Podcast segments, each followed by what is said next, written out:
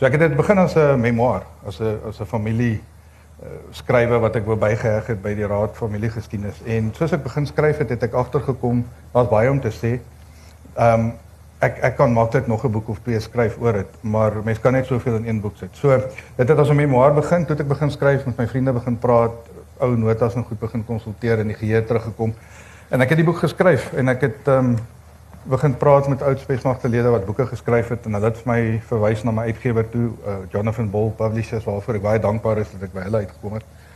En en hulle het baie belangstelling getoon in die boek. Ehm um, en en hulle is jy weet is die eerste boek wat geskryf word oor uh, ouens wat in Irak gewerk het en die manier wat ons geleef het, die manier wat ons operasies gedoen het. So dit het as 'n memoir begin vir 'n familie na latenskap dat die kinders en die kleinkinders en so aan weet wat die mense gedoen het. Almal vra altyd vir jou wat doen julle in Irak en dan sê ons doen sekuriteit en dan is die gesprek klaar. En niemand weet wat se sekuriteit jy doen nie. Niemand weet jou lewensomstandighede nie. Niemand weet hoe jy gewerk het met die verskillende lande se nasies en die Irakies en so aan nie. Ek het dit gedokumenteer. So dis 'n tipe van 'n joernaal van 'n voetsoldaat se kant af. Is nie daar's 'n paar boeke geskryf oor uh, privaat militêre kontrakteurs um, in Irak en Afghanistan deur meestal verslaggewers en hulle het 'n uh, redelike negatiewe uitkyk op die ding. Hulle kyk altyd waar kan hulle fout vind, maar niemand het van die pers se mond af op die grond al 'n boek oor dit geskryf nie. En dit is toe nou dis toe nou bladmanie. So dit is hoe die ding bymekaar gekom het. Johan, ek is baie opgewonde oor die boek vanuit 'n akademiese perspektief omdat die boek eintlik op 'n manier ehm um, sy Engelse woord groundbreaking is in die sin van dat dit die eerste werklike bydrae van 'n Suid-Afrikaner is tot die privaat militêre industrie. Ehm um, Eben Balo het al geskryf oor executive outcomes, maar hierdie verbreed die veld. Dit dit maak dit werklik vat dit na Irak en ander plekke toe. Wat my opgeval het by die lees van die boek ehm um, is die die die keurige gebruik van Engels, die genuanceerde gebruik van Engels, die woord die boek is geskryf ehm um, met 'n met 'n fyn hand wil ek wil ek sê. Ehm um, ek wil hê jy moet 'n bietjie daaroor praat oor die skryf self en waar dit vandaan kom. Ek het in Vrystaat groot geword. Ons het nie Engels gepraat tot ek weermag toe is nie. Inteendeel as jy iemand het wat Engels gepraat het, het jy hom bietjie pak slag gegee. Dit was tipe van 'n taboe. Ek het egter goed gedoen in Engels. Ek was lei op skool. Ek het geen belangstelling in in leerwerk getoon nie. Ek het geweet wat ek wou doen in die lewe en ek hoef nie uh, onderskeidings en goed vir dit te gehad het nie. Maar ek het uh, redelik goed gedoen met Engelse voorgeskrewe, met die opstelle en so aan. Dit van van laerskool af het ek redelik goed kon skryf in Engels. So ek weet nie, ek kom uit 'n akademiese familie uit van baie onderwysers, meestersgrade, doktorsgrade en goed. Ehm um, so dit is dalk 'n talent wat ek meegebore is en ek ek hou van skryf. Ek ek het nog altyd geskryf. Ek ek het klaar gemaak by spesmagte in die opleidingsvleuel.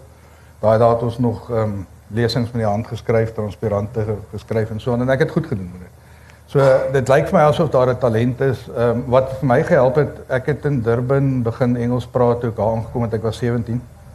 Toe ek by een verkenningsregiment aangekom het, ek was gelukkig een van net twee uh, kere in die geskiedenis wat ek basies in spesmagte kon doen. Ehm um, ek sê ek is gelukkig, maar dit was dit was hard. Ehm um, maar ons het daar geleer Engels praat en uh, ek het in 1987 my vrou ontmoet. Ons het in 89 uh, bymekaar gekom en sy is Engels.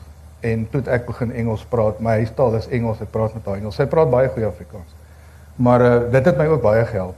En ek hou van lees. Ek het baie gelees oor die jare en ek dink as ou in Engels lees dan tel jy maar seker ook ehm um, goeters op. So is 'n kombinasie van 'n paar goed, maar ek hou van skryf. Ek ek ehm um, ek sal graag nog 'n boek of vyf wil skryf.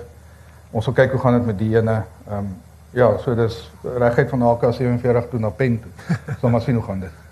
Johan, ehm um, vroeg in die boek begin jy toe hy in Bagdad aankom, toe tref hy stank jou daai reuk. Hoe het jy gevoel? Het jy nie gelus gevoel om op die vliegtuig te klim en terug te gaan huis toe nie? Wat nee, is jou indrukke? Nee, dis 'n missie as ehm um, as 'n ding is van my kop 'n missie is en dit was dieselfde met die boek. Ehm um, ek ek kan ek kan poerpoer met idees totdat ek dit in my kop 'n missie maak.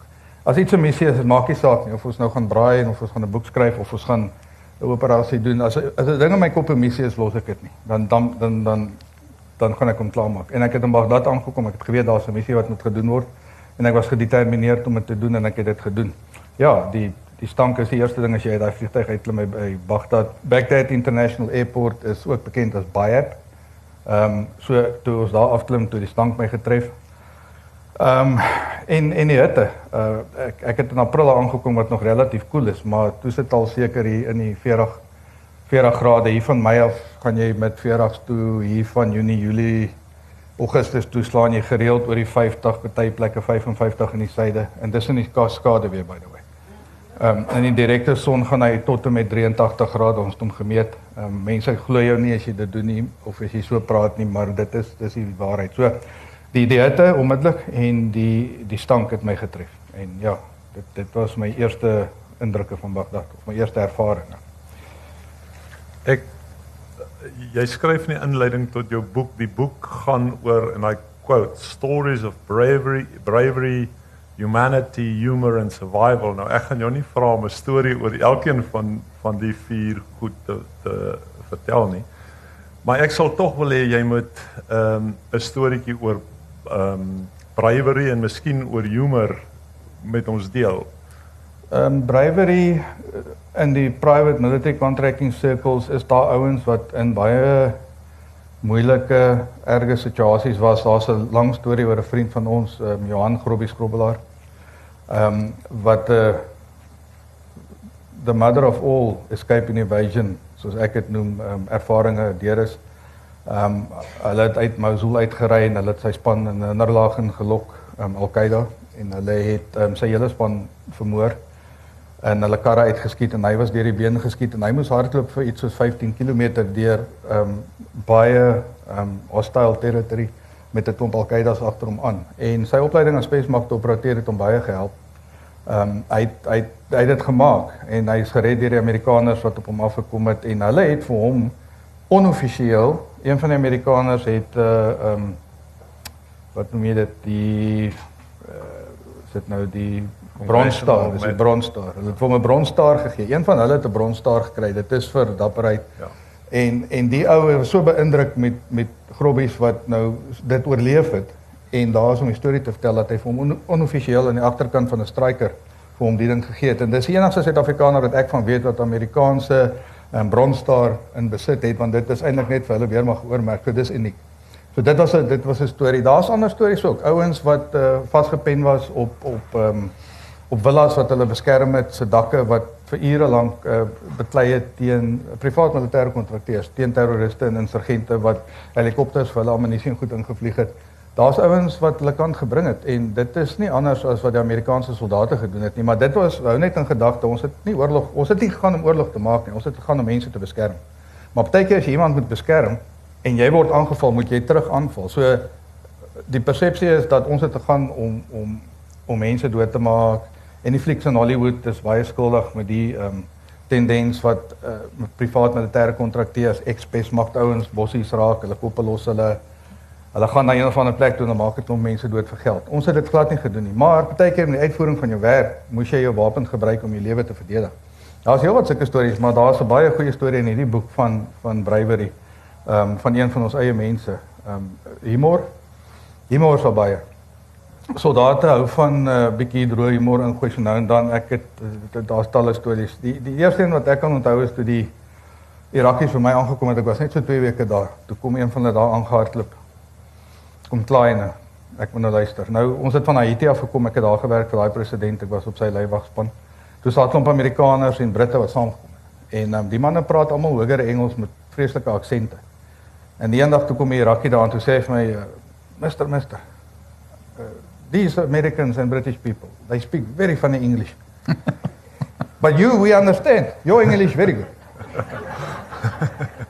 Toe dink ek so 'n bietjie oor dit. Toe kom ek agter dat ons as Afrikaners en as boere mense en veral as jy met lokale uh, bevolkings werk, ons het geleer in Afrika om 'n meer primitief en, en, en, en ons Engels is nie van die beste nie. Ek praat redelik goed Engels, maar meeste van die boere wat daar was, ex-polismanne, ex-weermag, ons Engels is nie so warm nie. Maar ons praat 'n baie stadiger, laer tipe van Engels. Die die Amerikaners en die Britte, ehm um, jy weet, hulle praat hoog. Hulle praat asof ou saam met hom op universiteit was of hulle saam op skool was en hulle praat met vreeslike aksente. Ons kan dit nie eers verstaan nie. Dis net nou vir my snaaks dat die Irakie sê dis twee lande waar Engels begin het en wat net Engels praat, maar hulle praat baie snaakse Engels. So dit was een voorval. Die ander voorval ook, eh, daai selfde era was toe uh, die Irakies daarby aangekom het want ons vang hulle slaap. Hulle Irakie kan nie wakker bly nie. Maak nie saak wat jy doen nie, 'n wag kan nie wakker bly nie. So vang hulle slaap. Nou is dit nagskof en hulle slaap.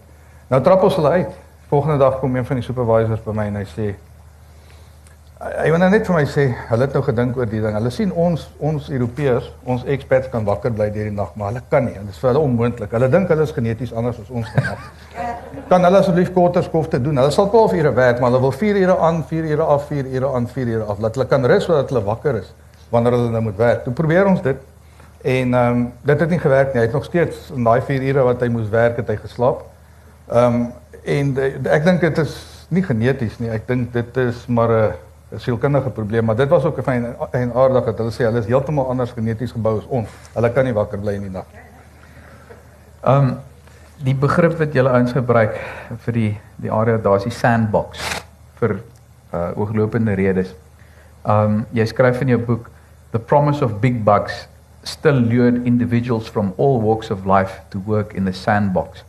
So die aard van die saak geld was 'n aantrekkingskrag vir baie mense. Maar wat was die standaard van was al die mense kon tog nie pyk gewees het. Daar moes 'n paar kansvatter gewees het wat jy mee te doen gekry het.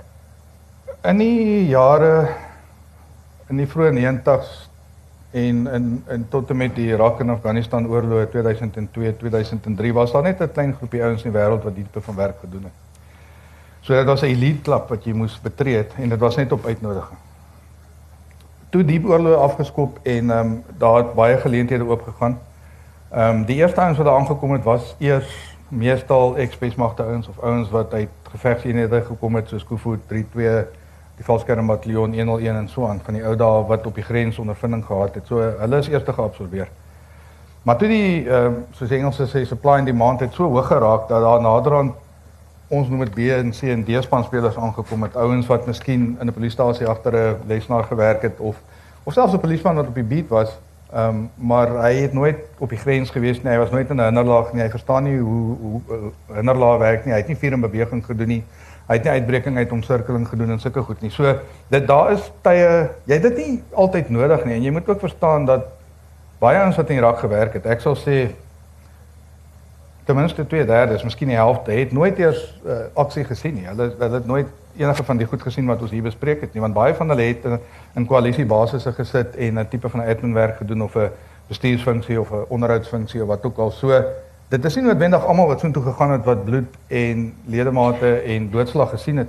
Dis maar meestal die ouens wat uit op die buiteposse was, ouens wat op die paaie gegaan het baie, ehm um, die die konvoi beskerming, hulle is hard geslaan. Dis ouens wat regtig baie pak gekry het, maar ja, daar het baie kans wat ons aangekom en hulle het weggekom met dit. Van hulle was man genoeg om te erken is nie vir ons nie. Ons het 'n bomaanval gehad in ehm um, die 6de Augustus 2004 is ons geslaan deur twee selfmoordbomme en dieselfde tyd met 'n paar vuurpyle en mortiere bestook in 'n basis in die noordweste van die land. En ehm um, dit dit was dit was nogal 'n uh, intense uh, aanval. Paar uh, locals dood, paar Irakiese soldate dood, paar ons gewond en so aan. En nadat het een van die ouens na my toe gekom wat daar was en hy het nie die agtergrond gehad wat ons het nie. En hy het erken, hy het gesê dit is hierdie is nie vir my nie. Ek is nie om vir 'n ander man se oorlog dood te gaan nie. Ek gaan nou huis toe. Toe hy toe daai realiteit omgeslaan en hy's man genoeg, maar baie ons het nie, hulle het maar daar gebly vir die geld. Want die geld was goed. Ehm um, jy, jy jy het enigiets van 100 dollar 'n dag tot 1000 dollar 'n dag verdien, miskien meer, party ouens wat wat in hoë posisies was en wat gelukkig was. So dis goeie geld, maar ehm um, ek sê altyd in hierdie bedryf if you need a job, dan gaan hierdie bedryf jou byt. If the job needs you, dan gaan jy alright wees. So jy moenie jy moenie gaan as jy 'n job nodig het nie. Jy moet gaan as die job jou nodig het want anderster gaan jy een of ander tyd skuld kom. Nou in die ou dae het dit so gewerk. Die nuwe Irak van 2011 Desember af, daar het nie veel aanvalle op privaat militêre kontrakteurs gebeur nie. So daar baie kans wat ons uitgeslaan.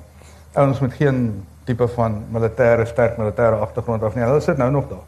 En hulle vertel baie groot stories, maar eh, hulle word nie aangeval nie. Hulle hulle het nog nie die skerp een van die besigheid gesien nie. So dit het baie stil geraak. Daar's 'n baie groot verskil tussen die ou Irak en die nuwe Irak. En ehm um, ja, die kansvatters was al baie. Hulle het gekom. Eers het hulle het probeer om ouens met spesmagte agtergrond met ehm um, gevegsagtergrond combat soos ons dit noem agtergrond te vat. En toe dan nou ouens wat in polisie en weermag diene ten minste wat bietjie basiese opleiding gedoen het en toe hulle opraak, toe begin hulle ouens vat wat vir ambulansdienste gewerk het, vir, vir gevangenisdienste, daar tot bouncer bouncers uitgeslaan van Engeland af. Ehm um, en en die manne het groot geskrik. Die probleem is hulle is dan omring met ouens wat al ruk lank daar is en ouens wat ken van. So hulle sien vinnig wat jy doen. Hulle memory hulle, hulle sien alles. Hulle sien hoe wat se uitrusting gebruik jy. Hulle hoor die taal wat jy praat. So hulle is baie vinnig raak. Hulle ook kenners. En nou, jy weet 15 jaar later is daar seker 100 000 ehm um, privaat militêre kontrakteurs wat deur Irak en Afghanistan oor die jare gegaan het. Nou is die mark vol ouens met CV's wat sê ek was in Irak, ek was in Afghanistan, maar jy moet bietjie gaan kyk agter dit. Wat het hy voor dit gedoen? Uh voordat jy 'n opinie van hom kan lig. So die mark is bietjie ehm um, omvergewerp deur deur daai oorlog. Ehm um, dis nie meer 'n elite klub nie. Nou is elke tweede ou wat daar uitgeslaan het 'n kenner en 'n spesialis. Ek wil 'n opmerking maak. Ehm um, en ek wil hê jy moet daarop reageer. Geen mens spandeer 10 jaar in 'n war zone, in 'n oorlogsone en jy stap onaangeraak daar uit nie. So ek wil graag hê jy moet praat oor hoe die oorlog in Irak jou geraak het. Dis die een vraag. Die tweede vraag is hoe het jy jou menswees beskerm in Irak? Dit hang ook af wat jy daar gedoen het. Soos ek gesê het, baie ouens het nooit die skerping van die besigheid gesien nie. So dit was vir hom 'n kantoorjob. Hy was die die, die groot uitdaging vir daai ouens was gewees die lang tye weg van die huis af. Ehm um, baie van hulle het net 'n paar keer bankers toe moes hardloop as 'n mortier of vuurpyle gekom het. So jy, jy hulle het nie regtig bloed en doodslag gesien nie. Ehm um, ek was by 'n paar naby aan 'n paar selfmoordbomaanvalle waar ehm um, waar jy dit goed sien.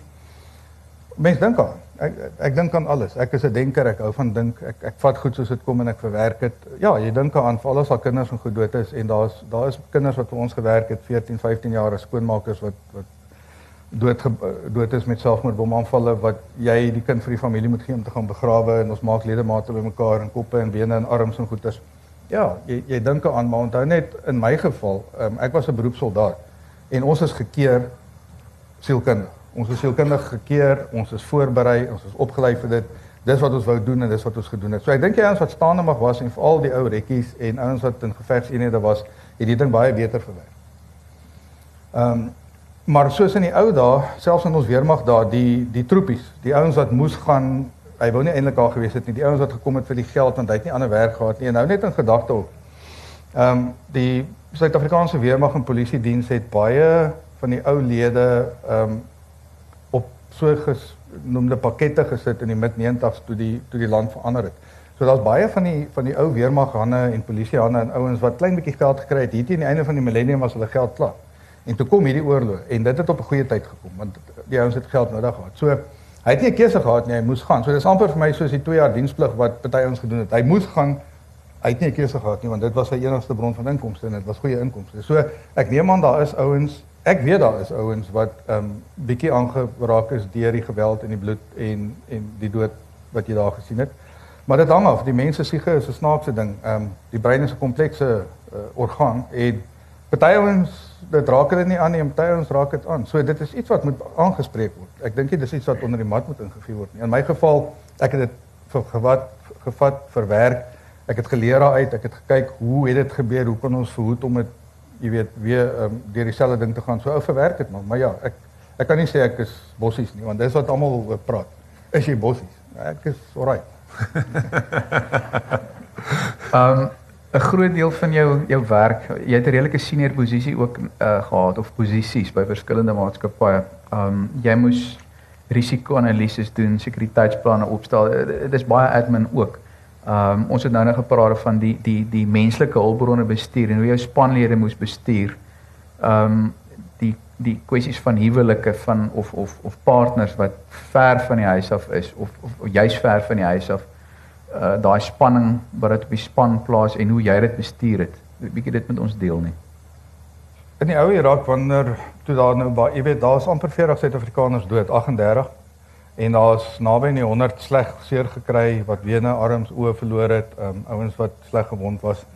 So dit was gevaarlik. So vir my persoonlik het ek my spanne bymekaar gesit, eerste met ouens wat ondervinding het en ek was geseën. Ek kon altyd ouens werf wat uit my eie geleedere uit gekom het baie ouens wat ondervinding gehad het van werk in Afrika en en voorheen en ook in Irak.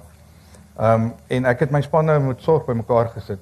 Uh, jy moet versigtig wees want wat ek wel gesien het is ouens met jong kinders.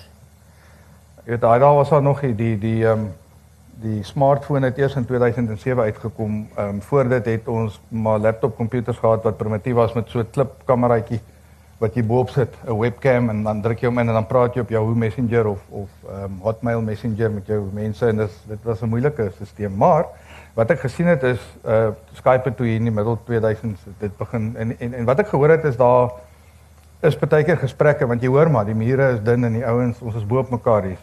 Jy lewe maar in semi-soldaat omstandighede. So jy hoor kinders wat huil en verlang na hulle pa en vrouens wat vra wanneer kom jy huis toe en daar's die probleem en daai probleem. En ja, ek kon sien in die span, ek kon sien wat se ouens was bietjie minder gefokus geweest met tye. Ehm um, jy kan so ou nie verkwalik nie, maar wat ek gedoen het is as ek spanne gekies het om uit te gaan op redelike lang togte of op sekere gevaarlike missies, dan het ek ouens gevat wat se kinders en right wrong or indifferent en my ouens het my aangevat oor. Hulle het my gesê ons wil almal dieselfde werk doen, maar vir my was dit net ek ek het geprioritiseer. 'n Ou wat jonk kinders het en 'n ou wat se kinders al uit die huis uit is, Ehm um, het ek eerder die ou ou wie se kinders uit die huis uit is gestuur op sekere missies as wat ek die ou gestuur het met jong kinders. Dit sou net vir my makliker gewees het om nee, dit sal nie makliker wees nie, maar dit sal net vir my meer aanvaarbaar wees dat as as met so ou iets gebeur dat jy vir sy familie sê, jy weet, in steede van jong kinders, die ou darm sy seun is 18, 19, 20, hy het hom darm gehad as 'n pa. So jy moet baie versigtig kyk wie fokus, wie fokus nie, wie het probleme by die huis. Ons het uh, later van jare het ek saam met hom gewerk wat uh, eh, SMS'e ontvang het. Daar was toe nog nie WhatsApp en goed nie. Dan sy vrou se geyser by die huis gebreek. Dan is ons dan is ons op die paai. Dan dan is ons nou in Indian territory. Dan plaas hy hom met met ehm, 'n um, geyser probleem en en en dan kan ek sien die ou eh, fokus nie. Dan moet jy vir hom sê sit jou foon af of sit jou foon neer en jy wil dit ook nie doen nie. So Ek dink baie van die vrouens het nooit geweet wat ons gedoen het nie en daarom het hulle hulle mans maar gepla. Maar die ouens met goeie vrouens en hulle is in die wijk. Hierso sit van hulle hierso Christney en Taffie se vrou en en en en my eie vrou wat jare al lank saam met ons is. Ehm um, hulle weet, hulle los ons uit. Hulle sal met jou praat wanneer jy vir hulle sê ek is reg om te praat. Miskien gaan daar 'n paar dae verby. Hulle maak ons moet met komstye scheduled komstye. Daai dag, daai aand praat ons 'n paar minute, maar vandat die smartphone begin uitkom het en kommunikasie instant is nou in Irak is dit moeilik want die ouens wat nou daar werk is konstant op op op WhatsApp en op goeters met hulle vrouens besig. Gelukkig is daar nie nou so groot bedreiging nie, maar nie ou daar was dit 'n probleem. So jy moet jou ouens fyn bestuur het en jy moes maar gekyk het wie se kop is nie heeltemal by die werk nie, wie 'n paar probleme by die huis. Dit was ek het dit my punt gemaak om te weet wie het probleme want ek het ook met die ouens gepraat op 'n op 'n menslike manier. Ek het probeer om counselor ook te wees ek is 'n goeie luisteraar. So dan kom jy aan, dan sê hulle ek het 'n dubbel probleem, ek het 'n drankprobleem. My vrou doen dit, sy spandeer my geld of sy het 'n affair. Dan probeer jy maar die ou help. Maar dit het my ook geleer hoe moet ek my spanne kies. Ek ek wil voortborduur op daai onderwerp. Ehm um, dis vir my 'n baie interessante fenomeen in die Suid-Afrikaanse samelewing op die oomblik. Ehm um, voor 94 het die swart paas op die myne gewerk en maas en die kinders was by die huis. Ek bly in Langebaan en daar's verskriklik baie uh mense wat enerzijds in Johannesburg werk en hulle families is hier onder. Um mense wat in die buiteland Irak en ander plekke werk en hulle families bly hier. Die die situasie het half omgedraai. Ek wil vra hoe het jou familie gekoop met jou werk in Irak? Hoe het hulle daarmee gehandel? Ek het gelukkig nie jong kinders gehad toe ek my my stiefseuns is al uit die huis uit toe ek Irak toe gegaan het en um, ek en my vrou is al van 89 of saam. Ek was op baie stadium uh, ons was een van die laaste eenhede in Suidwes um, in 89 met die 9 dag oorlog en na dit is ek opleidingsveld toe. So ek was weg daai tyd op die grens tussen my ontmoet het. En uh, toe se opleidingsveld toe wat ons baie weggegaan het met kursusse en goeders en um, Maar dit maak dit nie maklik nie. En mense dink hoe langer jy bymekaar is, hoe makliker is dit vir die vrou. Dit raak anders. Hoe langer jy bymekaar is, hoe moeiliker raak dit. En hoe ouer jy raak, hoe meer wil julle saam wees. Hoe meer mis julle die tyd wat julle verloor het. Ja. So dit hang maar van die persoonlikheid van die vrou ook af. Ehm um, jy jy's of gelukkig, jy kry 'n vrou wat dit kan verwerk en wat kan aangaan, wat op haar eie kan die rekeninge betaal en aan die kinders omsien en so aan, maar dit dit vat tog sy tol. Mens moet ehm um, mens moet die ding omdraai en in my geval en in my vrou Carol se geval het ons elke paar maande wat ons mekaar gesien het dit is soos 'n hernuwing jy weet jy lank absence makes the mind grow fond. Daar's so 'n tipe van gesegde. So jy jy, jy vat die beste van mekaar af. Jy, as daar as daar krapperige goedjies is los jy dit. Jy gooi dit by die ruit uit en jy lê die beste van mekaar. So ek dink van daai oogpunt af ek sê altyd um, ons is 29 jaar saam. Ek was 16 jaar weg van die huis af gewees in daai tyd. En ek dink En dis ek maak altyd 'n grap. Ek sê dis hoekom ek dink dit gehou het. Want ons is nie die hele tyd in mekaar se hare nie. En miskien is dit so. Nou moet ek dis nou vir my aanpassingsfase. Um, ek is nou 6 maande hier. So ehm um, gelukkig kom ons al so lank pad saam. Ons kom baie goed oor die weg. Maar dit is 'n aanpassingsfase want jy was altyd gewoond jy het weggegaan en as jy terugkom met julle julle gaan lekker weg vir 'n naweek hier en julle die beste van mekaar. Nou nou moet jy in die ding inkom. Maar baie vrouens het nie gekoop met dit nie. Ehm um, hulle het ehm um, hulle het verhoudings begin hierdie kant. Hulle het die ouens se geld geblaas. Ek ken 'n klomp van my vriende se vrouens wat hulle geld want jy maak goeie geld en die vroue het toegang tot jou rekening en sy lewe 'n goeie lewenstyl en jy dink die ding gaan aangaan vir ewig, maar in die kontrakteerwêreld vandag het jy 'n job, môre is jy is jy op straat. Jy werk nie en dan het jy nou hierdie lewenstyl begin waar jy die reise gekoop het en jy het verbande en karre en goederes en ek was self bietjie skuldig aan dit, maar um, ek het dit oorleef en oorkom. Maar nou is jy gewoond aan 'n hoë lewenstyl, jou kinders is in privaat skole, universiteit en goed en nou het jy nie werk nie. En onthou ons werk het nie pensioenfonds of sulke goed medies of niks en jy moet al daai goed self betaal. So baie van die vrouens het 'n uh, bietjie die ouens bankrekeninge leeg gemaak. Uh, dit was 'n probleem ja, ek kan net sê ek was gelukkig. Ek is dankbaar dat ek nie enige sulke probleme gehad het nie, maar daar was baie. En ek het gesien in ons weermag daar ook, as jy in 'n eenheid is waar die ouens baie weg is en waar hulle onderdruk is, kom noem dit sê 'n combat eenheid. En dis 'n ek het gelees oor dit op die internet later van jare, ehm um, reg oor die wêreld, daar daar daar's 'n hoë egskeidings ehm um, persentasie in sulke eenhede waar die mans weg is en die vrouens word alleen gelaat en daar's stres. Ehm um, en dit was dieselfde in Irak, baie ouens se vrouens het hulle gemors het vroeër vandag al oor gepraat. Ek weet daar's 'n deel in die boek. Ek gaan net vinnig vir julle aanhaal. Ehm um, Johannes nou in die helikopter. In die nag vlieg hulle met die Amerikaanse uh, weermag helikopter. The pilots flew the chopper hard and fast on that dark night. It felt good. I was hyper alert and my senses sharpened. I smiled as the cocktail of adrenaline, testosterone and endorphins flowed through my veins. In that moment, I realized that as long as I could remember, I'd wanted to be a soldier, even if it was now in a private capacity. En ek dink jy jy geniet dit en so in in in in ou kry daai gevoel van jy is daar uh, emosioneel. Ek ken 'n paar van jou jou kollegas uh, in die bedryf. Sommige van hulle het teruggekom van van van Irak in die Midde-Ooste en hulle het ondernemings begin. Uh in sommige gevalle het dit nie baie goed te gaan nie en en ek dink waar sommige entrepreneurs dalk sou vasbyt, het hierdie ouens baie vinnig besluit nee, bokker dit, ek gaan terug. Want die geld is goed, is daar nie 'n risiko in gewees omdat die geld so goed is. Um die die geld is goed nie. Ander ding daai daai broederskap wat jy daar het, daai band of brothers. Uh dat dit 'n bietjie verslawend is. Uh weens die opwinding, die geld en die broederskap en waar anders kry jy dit? Jy is heeltemal reg. Ek ek hou nie daarvan om om die term te gebruik adrenaline junkie nie en ek hou ook nie daarvan om te erken dat ek moontlik een is nie, maar die feit van die saak is die bloed vloei warm in my are van kleins af. En ek ek jy weet nou nou moet jy 'n boksak gaan slaan of jy moet gaan hardloop tot jou tong op die grond hang of jy luister 'n bietjie ACDC so hard dat jy oordrommel wil bars, maar jy moet iets doen om uiting te gee aan daai daai warm bloed in die are. So ja, dit is 'n dit dit is lekker. Ek ek hou van dit. Ek hou van die bedryf. Ek het altyd van dit gehou.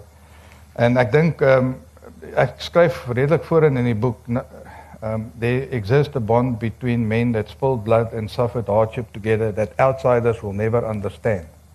En dis in ons geval, ons spesmagte wat saam kering gedoen het, saam opleiding gedoen het, saam op operasies was wat saam deur dinge is.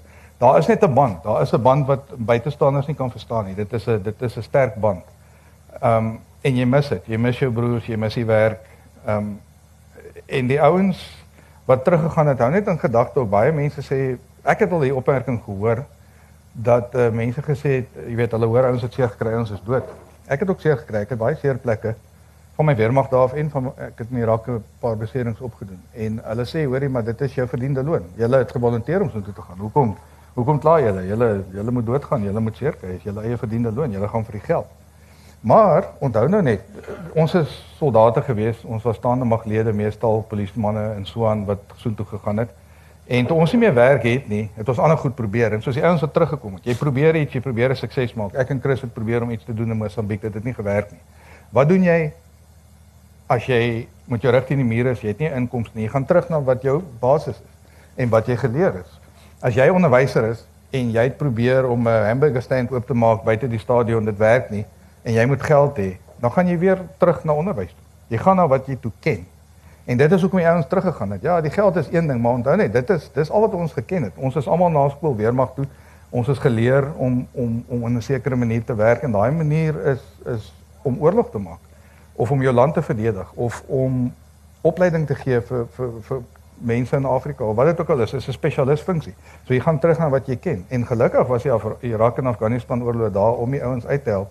Veral die die ouens wat nie met 90s uit die magte uit is as gevolg van uh, jy weet die veranderinge in die land. So ja, ehm um, dit is 'n band of brothers. Ek hou van dit. Ek dit is vir my lekker om my werk te doen. Ek is vreeslik lief vir helikopters. As ek in 'n Black Hawk helikopter klim, uh ek verander. Dit dit is net vir my, dit is vir my baie lekker. Dit voel vir my of ek die wêreld kan aanvat. Ek ek wil die gesprek draai na Irak toe en na Islam toe. En ek wil hê jy moet 'n bietjie praat oor hoe jy Islam as geloof ervaar het in 'n moslemland. Maar ook of jy dink Islam 'n gevaar vir die weste inhou. Moet ons inkoop op hierdie Amerikaanse idee dat uh Islam 'n geloof uh, of 'n uh, bedreiging is vir die weste? Dis 'n komplekse vraag met baie antwoorde. Ehm um, my opinie is dat die die rede hoekom ek dink jy sê nou ons moet inkoop in dit die die die probleem is jou jou mainstream media wil dit graag verkoop as 'n bedreiging, maar nie hulle skep nie die bedreiging nie. Hulle sê die politikuste sê dit is 'n bedreiging, maar as jy mooi gaan luister, dan sal jy hoor of ten minste die politikuste wat slim genoeg is sal sê militant islamic threat. Nou, Islam is 'n geloof wat deur 1.5 miljard mense beoefen word reg oor die wêreld. En ek het gevind, ek is deur okay in Irak jare gewerk, maar ek het in eh, in die Emirate en Saudi het ek gewerk vir 'n kort rukkie. Ons het deur Kuwait baie gereis en gebly. Ek was in Egipte, ek was in Libië, ek was in Suid-Sudan, ek was in Tunesië. Ek vind dat dit 'n baie vriendelike geloof is. Um hulle maak hulle arms oop. As jy kyk na die Irakies wat ek my vriende gemaak het in Ramadan veral en Eid, um en Ashura, dis mense wat gee. Die Koran sê vir hulle jy moet gee en jy moet lief hê. Nou, dit is maar soos ons geloof ook. Daar is mense wat die Ou Testament baie ernstig opvat en wat hom bietjie verdraai om hulle agendas te pas. En dit is die probleem met Islam, die militantes. Jou militantes is nie eers 10% van Islam, maar nou moet jy onthou 1.5 miljard mense, 10% van dit is 150 miljoen wat dalk 'n militante oorsig het. En as jy nog net 10% van daai 150 miljoen vat wat regtig oorgaan om militante aksies te doen, dan sit jy met 15 miljoen moontlike, dis 1% van Islam. Maar jy sit met 15 miljoen moontlike moeilikheidmakers wat die ding anders interpreteer dieselfde Bybel. Ons Bybel ehm um, word geïnterpreteer op sekere maniere deur mense en hulle Koran word geïnterpreteer deur op mense deur sekere maniere. So my my ding van Islam is dit is nie 'n bedreiging vir ons as 'n geloof nie. Die bedreiging is die militantes binne in Islam. En ons moet hulle identifiseer en ons moet geld spandeer om uit te vind wat hulle doen. En die enigste manier om daai mense te stop is nie om hulle uit te los nie. Baie mense sê ja, Ehm um, die probleme in die Midde-Ooste sal minder wees as Amerika nie betrokke geraak het nie want nou nou maak die maak hulle die mense kwaad. Dit is nie so nie. Islam se probleme het al 1480 jaar terug begin. Hulle probleme bestaan lank voordat Amerika ontdek is. Ehm um, hulle hulle het 'n probleem onder mekaar. Dit is baie tribal, ehm um, clan orientated. Ehm um, en en en Islam het gesplit na die dood van hulle profeet. Ehm um, het Islam gesplit en en en dit is 'n lang storie. Ek het die hele ehm um, aanhangsel op die einde van die boek het ek geskryf oor dit net die eerste paar jare. Maar hulle kan nie oog tot oog sien nie. So hulle probleem is ook daar daar's binne in Islam is daar 'n geveg al vir 1400 jaar aan die gang. So ek dink nie hulle kan regtig fokus om die wêreld oor te neem nie want hulle kan hulle self nie eers uitsorteer nie. Die probleem is die militante. En die militante is 'n baie klein persentasie. Ek het goeie vriende gemaak in Irak en ek vind hulle baie warm. Hulle is baie jy weet daar was baie Christen kerke in in in Irak onder Saddam. Saddam het die Christene uitgelos. Hy het hulle nie uit dit het hom nie geplan nie. so ja, hulle is baie tolerant en dit is maar 'n klein persentasie van hulle wat regtig militant is en en wat wil moeilikheid maak. Maar die probleem is, die probleem wat ek ondervind is, die mense in Islam wat sien daar's 'n militante ou doen nie iets om hom te probeer stop nie. Hulle is te bang. Hmm. Hulle sit terug. In steede daarvan om die mense uit te roei of hulle uit te loop sodat Islam goed lyk. Hulle sit terug want hulle is skrikkerig want hierdie mense is baie breedaardig en hulle maak vir jou dood vinnig. So hulle los hulle uit en dan lyk dit asof hulle hulle ondersteun, maar hulle ondersteun hulle nie. Hulle wil net uitgelos word. Hulle wil net in vrede lewe. So ek dink nie dis 'n bedreiging vir die weste nie. Ek dink ehm um, die geloof as sulks is nie 'n bedreiging nie. Die probleem is die militantes binne in die geloof en dis 'n baie klein persentasie. En hulle moet uitgeroei word.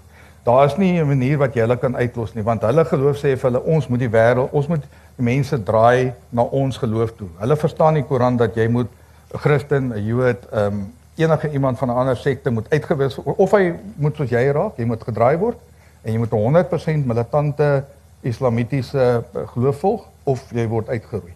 En en daai mense gaan nie ophou as jy hulle uitlos nie. Hulle gaan aanhou met hulle terreuraanvalle. Hulle gaan aanhou probeer om die weste aan te val en om te draai na hulle wy toe. Hulle wil Sharia wet eh, wil hulle eh, op jou afdoen. En dit gaan nie werk nie. So hulle moet uitgeroei word. Kan hulle nie uitlos nie. Jou spesiale magte groepe ehm um, moet ingaan. Hierdie ouens moet gejag word. Hulle moet uitgehaal word. Jy kan nie jy kan nie vir hulle los nie. Dis soos 'n onkruid wat groei. Jy moet vir hom die hele tyd uitspit. Maar jy gaan nie van daai onkruid ontslaa raak nie. Dit gaan 'n ewige stryd wees. Dit gaan nie ophou nie. Ehm um, op 'n meer of 'n menslike vlak, jy jy's ook lief vir diere, vir honde. Het jy die staakie uh vertel in die boek van die die hond vir wie jy lief geraak het wat jy moes doodskiet. Ehm um, oor hy 'n uh, Irakier gebyt het. Ja. Ehm um, ek is baie lief vir diere en veral veral honde. Ehm um, aan die Noordweste op my tweede missie ehm um, by elke siek militêre basis. Ons twee tuinskaaphondjies gekry wat daar kyk as baie rondloop ronde in Irak want die die Irakies toon nie baie emosie teenoor hond nie en 'n hond as hy vir jou lief is wil hy jou kom lek. En vir hulle is dit vuil. Dit dit is dis die, die hond het dalk iets geëet wat teen sy geloof is. So die die die spoeg van die hond kan glad nie so as 'n hond naby aan jou kom om om vir jou emosie te toon of affection soos die Engelse sê, dan skop hulle dit dan. Want hulle wil nie hy moet aan hom lek nie. En so het hulle ons klein hondjies begin skop en die honde het natuurlik uh kwaad geraak vir dit en hulle het groter geword. Hulle was seker so 7, 8 maande oud. En toe het een van die rakkies ons twee een van die skaaphondjies geskop en die hond draai om en hy byt hom uit om hy hart gebyt het. Hom net so gebyt. Dis dit nou groot storie. Ehm um, een ek dink dit was meer 'n uh, vernedering vir die Irakkie want by hulle is 'n insult 'n vreeslike ding. Jy moet tog net nie iemand insult nie. Jy jy jy moenie iets sê of iets doen wat hulle kan verwerk as 'n belediging nie. So een is die hond het hom voor sy vriende en voor ons almal gebyt en dit was 'n belediging. Dit is nie dat dit seer of stikkend was nie. Lang storie kort, in Irak as 'n hond iemand byt dan moet hy doodgeskiet word. Ons het geweier as sekuriteitsspan. Andries was jy al daar daai tyd met die skaaphonde. Anyway, ehm um, die die hondjies moes nou uitgesit word en hulle wou die honde doodgemaak het. Toe het ek gesê nee hulle gaan hulle gaan nie die honde met pangas kap of hulle gaan hulle stadig doodmaak. Daar's nie manier nie. Toe het ek gesê ek sal dit uitsoort. Toe het ek hulle buite die basis gelok nog met kos. My hart was so seer. Ehm um, ek ek is vreeslik lief vir die honde, maar ek het hulle geskiet. Ek moes hulle skiet omdat hulle die Irakies ehm um, gebyt het. So ek het dit vinnig gemaak. Die honde is begrawe en dit was die einde van dit. Ehm um, op 'n selfe noot eh, ek jy het vroeër daarna verwys die die kulturele kompleksiteit van Irak jy weet jy het, jy het, jy het Shia en jy het Sunni, maar binne dit jy het, jy het stamme, jy het gemeenskappe wat dit wat dit baie moeilik maak om om jy moet al hierdie onderstrominge verstaan. Hoe navigate jy dit? Ja, toe ons aangekom het, het ons nie veel geweet van dit af nie. Jy lees maar 'n bietjie en jy leer soos die jare verbygaan, maar ehm um, dit is 'n komplekse probleem. As jy dink in Afrika, ehm um, die die die die die stamme uh, jy weet tribal as jy kyk na die Hutus en die Tutsis in in um, Rwanda en Burundi en daai plekke. Afrika die, die stamme raak kwaad vir mekaar en in Suid-Afrika is ook nou 'n tipe van 'n 'n skeiding tussen stamme. Ehm um, maar ek gaan nou nie in dit ingaan nie. Dit is iets wat ons in Afrika ken, maar in die Midde-Ooste en veral in Irak en verder suid jy in Irak gaan, hoe moeiliker raak dit. Dit is baie primitief. Dit is alles is stam georiënteerd. As die werk, die posisies in die weermag, die posisies in die regering, die geld. Jy word of jy is gelukkig genoeg om in die regte bloedlyn ingebore te word en jy sal vir ewig gemaak wees of as jy in 'n arm bloedlyn gebore is, gaan jy vir ewig arm wees. Dis nie jy kan jouself uitwerk uit dit uit nie. Dat daar bloedlyne regeer alles. En dit wat gebeur het 'n paar duisend jaar terug of 'n paar honderd jaar terug spruit be, beïnvloed nou nog wat met jou gaan gebeur. So Dis 'n komplekse storie. Die klomp uh, hulle kan baie moeilik en baie vinnig. Ons het in die suide gewerk daar was laaste operasie ek Chris en Taffy, ehm um, waar ons probleme gehad het, oorlog tussen die stamme om net vir werk, wie wil al die werk hê, wie moet die basisse verskaf van kos en diesel en so aan? En en hulle het, hulle het van mekaar doodgemaak as gevolg van dit want die een stam glo sy ou was eerste daar en almal in sy stam moet werk kry. En ons het ons ons het 'n wag uh, mag daarso gewerf in die suide en ons het uh, dit was meestal van een stam want die kliënt het vriende gemaak met met met die spesifieke stam maar hulle was eintlik 'n klomp moeilikheidmakers en daar was nie 'n goeie ewewig van van verskillende stamme in die span nie. Toe het ons uh, baie probleme gehad. Hulle het ons Eh, in 'n hoek probeer druk. Hulle het sommer eh, teen my gedraai eendag gaan my gekonner en gesê dis hoe dit gaan werk. Julle sê nie vir ons wat om te doen nie. Maar ons het oor 'n tydperk het ons hulle uitgewerk. Die moeilikheid makers en dan moet jy maar van die ander stamme se ouens begin werk want dit is al hoe jy jy kan nie as 'n buitelander probeer om daai mense te regeer nie. Jy moet seker maak daar's van daai stam soveel ouens, daai stam soveel ouens, daai stam soveel ouens en jy moet seker maak hulle hou mekaar dop. Hulle moet jou nie dop hou nie. Jy moet nie die moeilikheid makers nie. Jy gebruik hulle eie mense om hulle te tigtig en dan moet jy maar seker maak jou jou samestelling is so dat die spanne mekaar of die stamme mekaar uitbalanseer. Maar dit is vreeslik stamgeoriënteerd. Jy jy het nie idee nie. Dit, dit dit is net iets wat jy nie kan verduidelik vir iemand wat nie daar was nie. Dit is van van die teemaker tot die drywer tot die ou groot shake alles is bloedlyne. As jy nie daai bloedlyne is nie, dan het jy 'n probleem. Ek ek wil 'n vraag vra oor die hantering van terreur. Ehm um, die Britse model van terreurhantering was altyd geskoei op die gebruik van die inligtingdienste en die polisie. Toe kom die aanvalle van 9/11 en die Amerikaners swaai die terreurprobleme heeltemal om en hulle begin hulle weermag gebruik om met terreur te handel.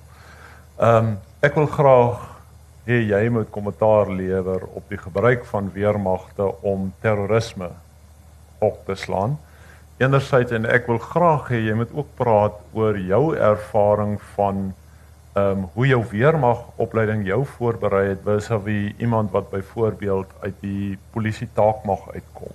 Ehm um, daai daai wisselwerking. Met alle militêre operasies Ekskuus. Alle militêre operasies is gebaseer op inligting. Jy kan nie op 'n operasie gaan as jy nie inligting het nie. Tensy jy in 'n volskaalse oorlog is. Ek meen as daar oorlog tussen lande is, dan gaan beklei almal te mekaar, maar jy het nog steeds inligting nodig om enigiets te doen, selfs in ons bedryf. Jy het 'n sekere mate van inligting nodig om om iets van die grond af te kry. So inligting is krities belangrik. Ehm um, ek weet die Amerikaners spandeer baie geld aan inligting uh, insameling, ehm um, die Britte en, en en al die groot wêreldmagte spandeer goeie geld daarin. Ek is ten gunste vir ehm um, almal sê oor die privaatheid. Uh, jy die, die mense moenie snoep in jou telefoon en goed nie. Ek is ten gunste van dit want dit is al hoe jy gaan uitvind wat aangaan. Ek sê dat moet almal afluister nie, maar daar moet sekere ehm um, sleutelwoorde na geluister word. As ek jou bel en ek sê ISIS, dan moet daar 'n tape recorder aan. Want hulle moet weet waaroor praat ons. En as hulle sien is nie bedreiging dan moet jy dit uitgooi. So inligting is baie belangrik. Ek dink ehm um, na 9/11 moet jy ook mense sê hoekom hoe, baie Amerikaners sê hoekom is ons Irak toe, hoekom is ons Afghanistan toe? Dis dieselfde as Vietnam in die ou dae. Wat het ons daar gedoen? Ons verloor het klomp mense, ons verloor het klomp geld. Dis nie ons land nie. Wat doen ons daar? Maar uh, jy weet as jy die wêreld mag is, as jy en Amerika is nie is nie 'n superpower nie. Amerika is 'n hyperpower. Dis die enigste hyperpower. Die ander die ander ouens soos Rusland en China en Duitsland is superpowers. Daar's 'n baie groot verskil. Amerika se verdedigingsbegroting is groter as die volgende 10 lande na hulle China en Rusland ingesluit saam. So, as jy aangeval word met Boeings en jy weet daar gaan 3000 van jou mense dood en dis die grootste terreuraanval in die geskiedenis van die mensdom en jy's 'n hyperpower, moet jy iets doen. Nou ek sê nie dit was reg wat hulle gedoen het nie, maar hulle moes iets doen. Hulle het geweet daar sekere moeilikheid maak is in Afghanistan en dit het toe nou so uitgewerk dat Osama bin Laden daar was en hulle het hom éventueel gekry. En Saddam Hussein is lank 'n doring in hulle vlees gewees en hy het vir Zarqawi wat die voorvader van ISIS was safe haven gegee in Irak. Hy het geweet van hom en hy het hom gesê is reg. Jy haat Amerika, ek haat Amerika. Kom ek kom bly by my. So hulle het ingegaan, maar uh, hulle motief was ehm um, hulle het regtig gedink daar was weapons of mass destruction. So dit is jou jou jou ehm um, atoombomme en daai tipe van goeder.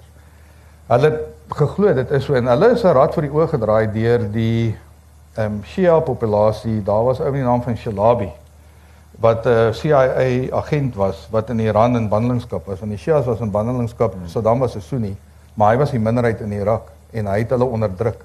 So klomp van hulle was in Iran in bandelingskap en hulle het toe voor daai oorlog vir die Amerikaners gaan sê, hoorie, daar is um weapons of mass destruction. Maar dit was 'n storie want hulle wou gehad het die Amerikaners moet Saddam omverwerf sodat hulle die power kan oorvat. En dit het toe gewerk. Hulle het toe niks naai goed gekry nie, maar wat daar wel was, daar was, kyk, Saddam het met chemiese wapens die kurde aangeval in uh, 1988 in Halabja. Hy omtrent 5000 kurde doodgemaak met sarin en met um uh, mosterdgas dink ek. En in Irak, Iran oorlog is daar baie mense aangeval deur chemiese wapens. Hy het baie chemiese wapens gehad. Nou dit is nie weapons of mass destruction, daar's 'n verskil tussen 'n um, chemiese wapen en 'n atoombom, maar dis nog steeds goeters wat mense by die massas doodmaak en dit is verband deur die VN en die Geneva konvensie en so aan. So ja, of hulle nou vir die regte redes ingegaan het, hulle moes iets doen aan 9/11. Hoe hulle dit gedoen het, dink ek nie is 100% reg nie. Enige konvensionele oorlog sal Amerika wen. Daar is niemand in die wêreld wat hulle kan aanvat nie. Nie die Russe nie, nie die Chinese nie, hulle kan nie. Dis maar net hoe dit is. So konvensioneel sal hulle altyd wen en hulle vinnig, hulle het Irak binne 'n maand het hulle hulle uh, klaar gehad. Maar toe het hulle hulle bietjie misgis en ek dink dis waar hulle inligting hulle bietjie um, tekort gekom het. Dit was met die guerrilla oorlogvoering, die insurgensie. Toe die terroriste groepe begin opspring want toe Saddam omvergewerp en al jou terroriste groepe in Irak en in Sirië en daai plekke is Sunnis. Jou militias is Shias. Maar dit beteken nie die een is beter as die ander nie want die Shias het ook ehm um, soldate aangeval en en van ons privaat militêre kontrakteurs. Hulle het ons ook gehad. So vir my is 'n Shia organisasie wat ons aanval ook maar 'n terroris. So daar was 'n klomp ehm um, probleemgroepe as jy dit sou wil stel. Dit was nie net Al-Qaeda nie, dit was nie net uh, een of twee Sunni uh, ag Shia militia groepe nie, dit was almal. Maar hulle inligting het hulle bietjie tekort gelaat en toe het hulle later van tyd dit het hulle 3 jaar gevat van 2003 tot 2007 4 jaar. Toe het hulle agtergekom hoor jy ons moet 'n guerrilla oorlogvoeringskampanje begin. Hulle het baie spesiale magte ons ingestuur hulle het Irakies begin werf en opgelei. Hulle het hulle gedraai om teen die terroriste op te tree. Um, in die Anbar provinsie veral waar baie van die Sunni terroriste ekstremiste vandaan gekom het het hulle die Hearts and Minds kampanje begin. Hulle het goeie inligting gekry het hulle opgelei en het hulle betaal. Geld maak baie dinge reg En ehm um, hulle het baie van daai ehm um, sheiks betaal om hulle tribes te kry om teen uh, hulle eie mense te beklei want hulle Sunni teen Sunni. En dit het gewerk. Hulle het dit die uh, awakening beweging genoem. En uh, Amerika het baie spesiale magte troepe daar aangesit en toe gaan dit baie beter. En hier van 2008 9 10 11 af het dinge regtig goed gegaan in Irak tot die Amerikaners onttrek het die einde van uh, Desember 2011. So Inligting is baie belangrik. Ek dink nie hulle het al die inligting gehad wat hulle moes gehad het nie, maar hulle het seker inligting gehad. Daar is 'n paar ratte voor hulle oë gedraai wat tevore geval het, maar hulle moes iets doen aan 9/11. En dis wat hulle gedoen het. Right wrong or indifferent, dis wat dis wat dit was. Ehm um, wat was die ander vraag? Abel, die tweede een? Ehm um, jou ervaring van jou spesmagte opleiding versus wie die polisie taak mag. Ek dat ek die agtergrond gee teen die vraag. Daar's baie oproepe deesdae om die weermag binnelands in Suid-Afrika te ontplooi. En ek wil graag hê jy moet kommentaar lewer teen die agtergrond van jou ervaring ehm um, die polisie versus die weermag in 'n tipiese binnelandse om, ontplooiingsomgewing vanuit vanuit jou perspektief. Ek is dalk nie die regte ou om my vraag te vra nie. Ek was my hele lewe net in spesmagte. Ek het dis al wat ek ooit gedoen het. Ek was nie eens in die normale leer nie. Ek het basies, soos ek sê, ek was gelukkig om basies daar te doen en dis al wat ek ooit wou doen. So Vleesmagte se mandaat was altyd om buitelands te werk en die weermag se mandaat was om buitelands te werk en om jou grense te beskerm. Polisie se mandaat is binnelands en al wat binnelands gebeur is hulle werk. Ons het egter in die 90's van die ehm um, weermag eenhede gebruik met die onluste en in die townships en so aan. Dit was effektief, maar ehm um, daar was bietjie van 'n ehm um, outcry soos die Engelse sê, um, as gevolg van die maniere wat die soldate gebruik het want ons word opgelei as iemand aksie teen jou neem, neem jy aksie teen hom. Maar die polisie moet deur deur 'n elevation of force gaan. Hy kan nie net ou skiet nie. As ons nie buiteland is en 'n ou neem aksie teen jou, gaan jy hom skiet klaar, boem, klaar.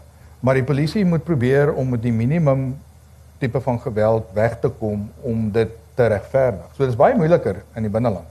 Die taakmagins, ek ken baie taakmagins, is baie baie goed opgelei. Ek meen hulle is hulle is ook 'n spesiale magte tipe van groep. Die die die groot ding wat ek dink bietjie teen hulle getel het is dat hulle het nie Hulle kan baie goed skiet, hulle kan baie goed oorlog voer, hulle het baie goeie opleiding, baie soortgelyk aan ons in 'n jaar tipe van fase kering alles. Maar die ding wat ek agtergekom het is die hinderlaag, jou jou kontakte. Hulle was nie in kontakte in die buiteland soos wat die soldate was nie. So jy, jy hy ken nie van 'n hinderlaag nie. Hy ken nie van Claymore myne nie. Hy ken nie van mortiere en vuurpyle wat op jou geskiet word nie. Waar die ou soldate daai goed ken. Dit is hoe ons aangeval is in die buiteland en in Angola en in Namibië. So jou taakmag uh, lede het 'n meer beheerde uh, omstandighede gehad in Suid-Afrika waar hulle ingegaan het, mense gerescue het en uh, jy weet daar's baie goed met gijslae ontsetting en hulle hulle is baie goed met vliegtuigontsetting en in in stedelike oorlogvoering en daai goed. Pyk ouens, ek dink net die koevoete het beter gevaar want die koevoete was op die grens en hulle het baie pakslae gekry. Hulle het baie hinderlae ingery.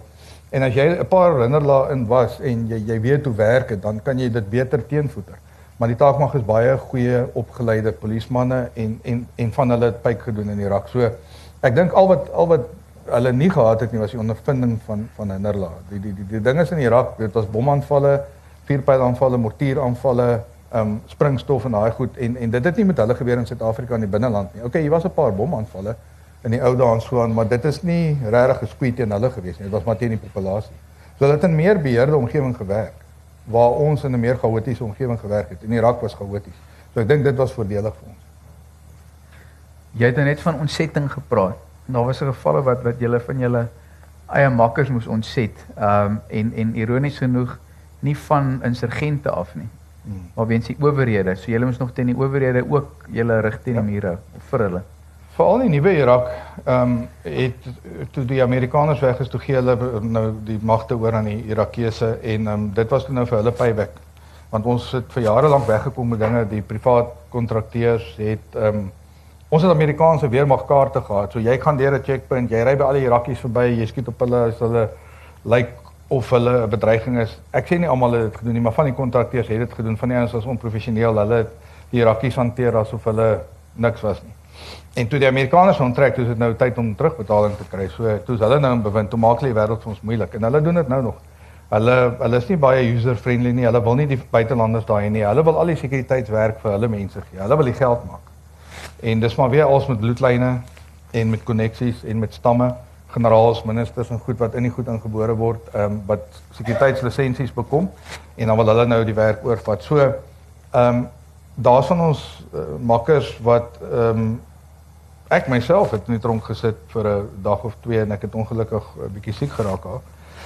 Maar dit was ook eie magte. Dit was uh, polismanne, korrupte klomp polismanne wat my opgesit het um, omdat ek die wêreld vir hulle moeilik gemaak het. Um, maar daar was een van ons makkers wat gewerk het vir 'n Irakese firma en die ou wat hom gestuur het, het nie die rekening betaal nie. Toe hulle ons kollega gijslaer tipe van sy paspoort gevat en hom in huisarrest gehou. En ons het toe gehelp om hom um, uit te kry, uit te breek éventueel 6 maande later uit die land uit te smokkel sonder 'n paspoort.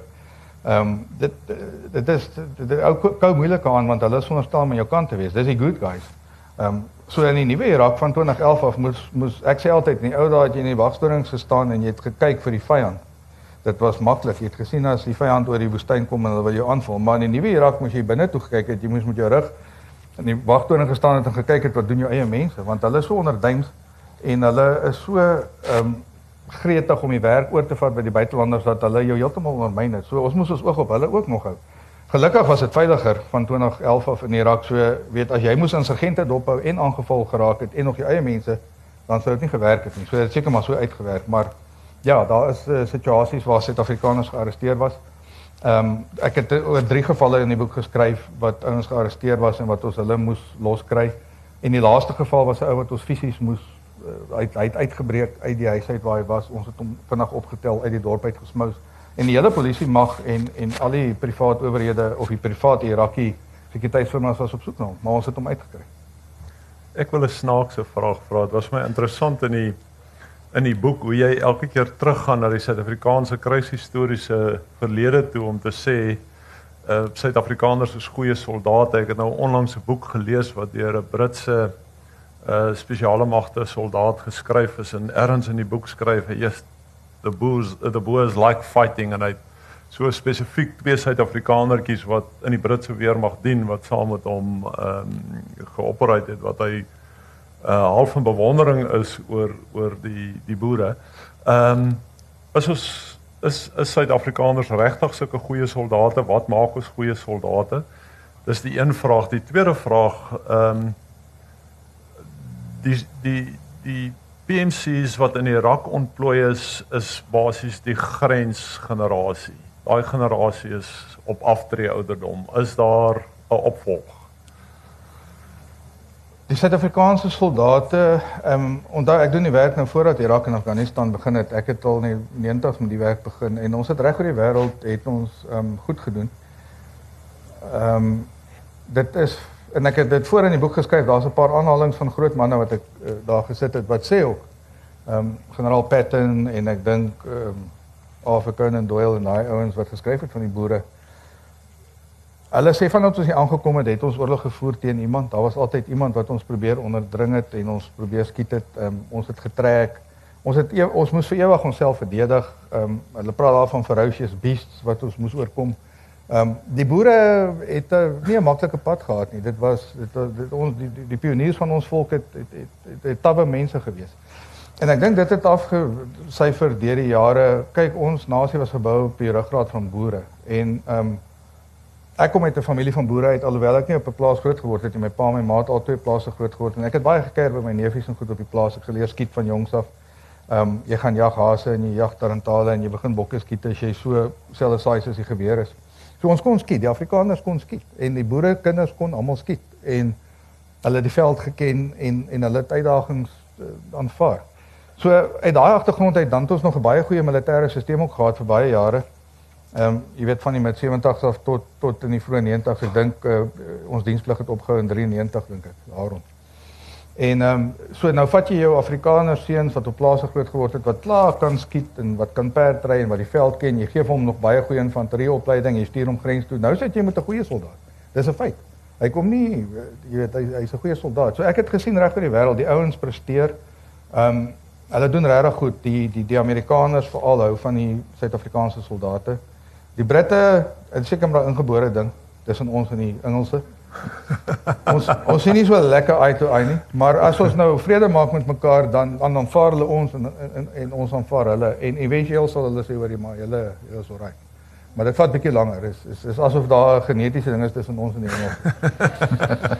maar ja, die die mense hou van ons en en, en die ding is in Afrika ook. Jy weet voordat Irak en Afghanistan so aan begin het, meeste van die privaat militêre kontrakteure werk in die ou dae die hier soldate soos Bob de Naert en Mike Matt met Mike Hoor en David Stirling en daai man almal het in Afrika gewerk. Afrika is 'n moeilike kontinent en ons het in Afrika gewerk al van die vroeë 90's af tot nou toe. Daar's nie 'n land in Afrika waar jy gaan waar daar nie 'n eksoldaat of 'n polisieman of 'n spesmagte ou besig is met iets nie. So ons ken moeilike omstandighede en ons het daai kennis oorgedra. Ons weet hoe om met die plaaslike bevolking te werk soos ek gesê het van die Engels vroeër. Ehm um, en al daai goeders het in ons guns gespeel. Ja, ons is goeie soldate en ons kom met 'n baie goeie stelsel uit. Eh, die weermag moes verander, die land moes verander, dit het verander. Ehm um, diensplig het opgehou. Ek ek dink nie dit gaan moeilik wees vir jonger generasies wat nie diensplig gedoen het of wat ten minste bietjie sekuriteitsagtergrond het om in ons bedryf in te kom nie. Ek word baie gevra deur youngsters, hoe kan ons bodyguards raak en hoe kan ons in Irak gaan werk en so aan. Nou jy kan gaan kursusse doen tot op 'n punt, maar jy het nie daai ondervinding nie. En en en omdat die Irak oorlog en die Afghanistan oorlog so lank aangaan al, vra die ouens nou vir 5 jaar jy weet as jy as jy vir 'n werk aansoek doen, dan moet hulle sê jy moet ten minste 5 jaar gewerk het in 'n high risk uh, conflict zone of of soortgelyk of jy moet ten minste 5 jaar in die weermag of polisie gewees het of 10 jaar senior eh, bestuursposisies nou in sekere firmas as jy 'n bestuurder wil wees, moet jy 10 jaar ondervinding hê, ten minste 5 jaar in die privaat sektor in 'n hoë risiko area en 5 jaar in die weermag of polisie. Anders kry jy nie werk nie. So vir die youngsters is dit moeilik om in te kom want hy het nie die ondervinding nie. Ek moet hom sê Suid-Afrika kwalifiseer vir 'n hoër risiko area. Kom ek vertel julle net vinnig 'n storie. Ek weet ons tyd is min. Ek het my skouer gebreek in 2004 in Irak in 'n hinderlaag en ek het gewerk met 'n stuk in 'n skouer vir 'n paar jaar. Ek wou nie ek wou nie Irak gelos het nie. Dit was baie seer. Maar um, ek het elke keer as ek huis toe gekom het, dan kry ek kortisooninspytings in my skouer by my huisdokter. Uh is 'n Nederlander. En um, hy was daar in Johannesburg En die ou het vir my in 2006 toe toe's Irak chaoties. 2006 was die moeilikste jaar in die geskiedenis van Irak en seker die Midde-Ooste. Miskien tot ISIS gekom het, maar daai jare was dit 'n baie moeilike tyd. Bloedig. En baie ons het dood gegaan. 2005 en 6 is al baie Suid-Afrikaners dood in Irak.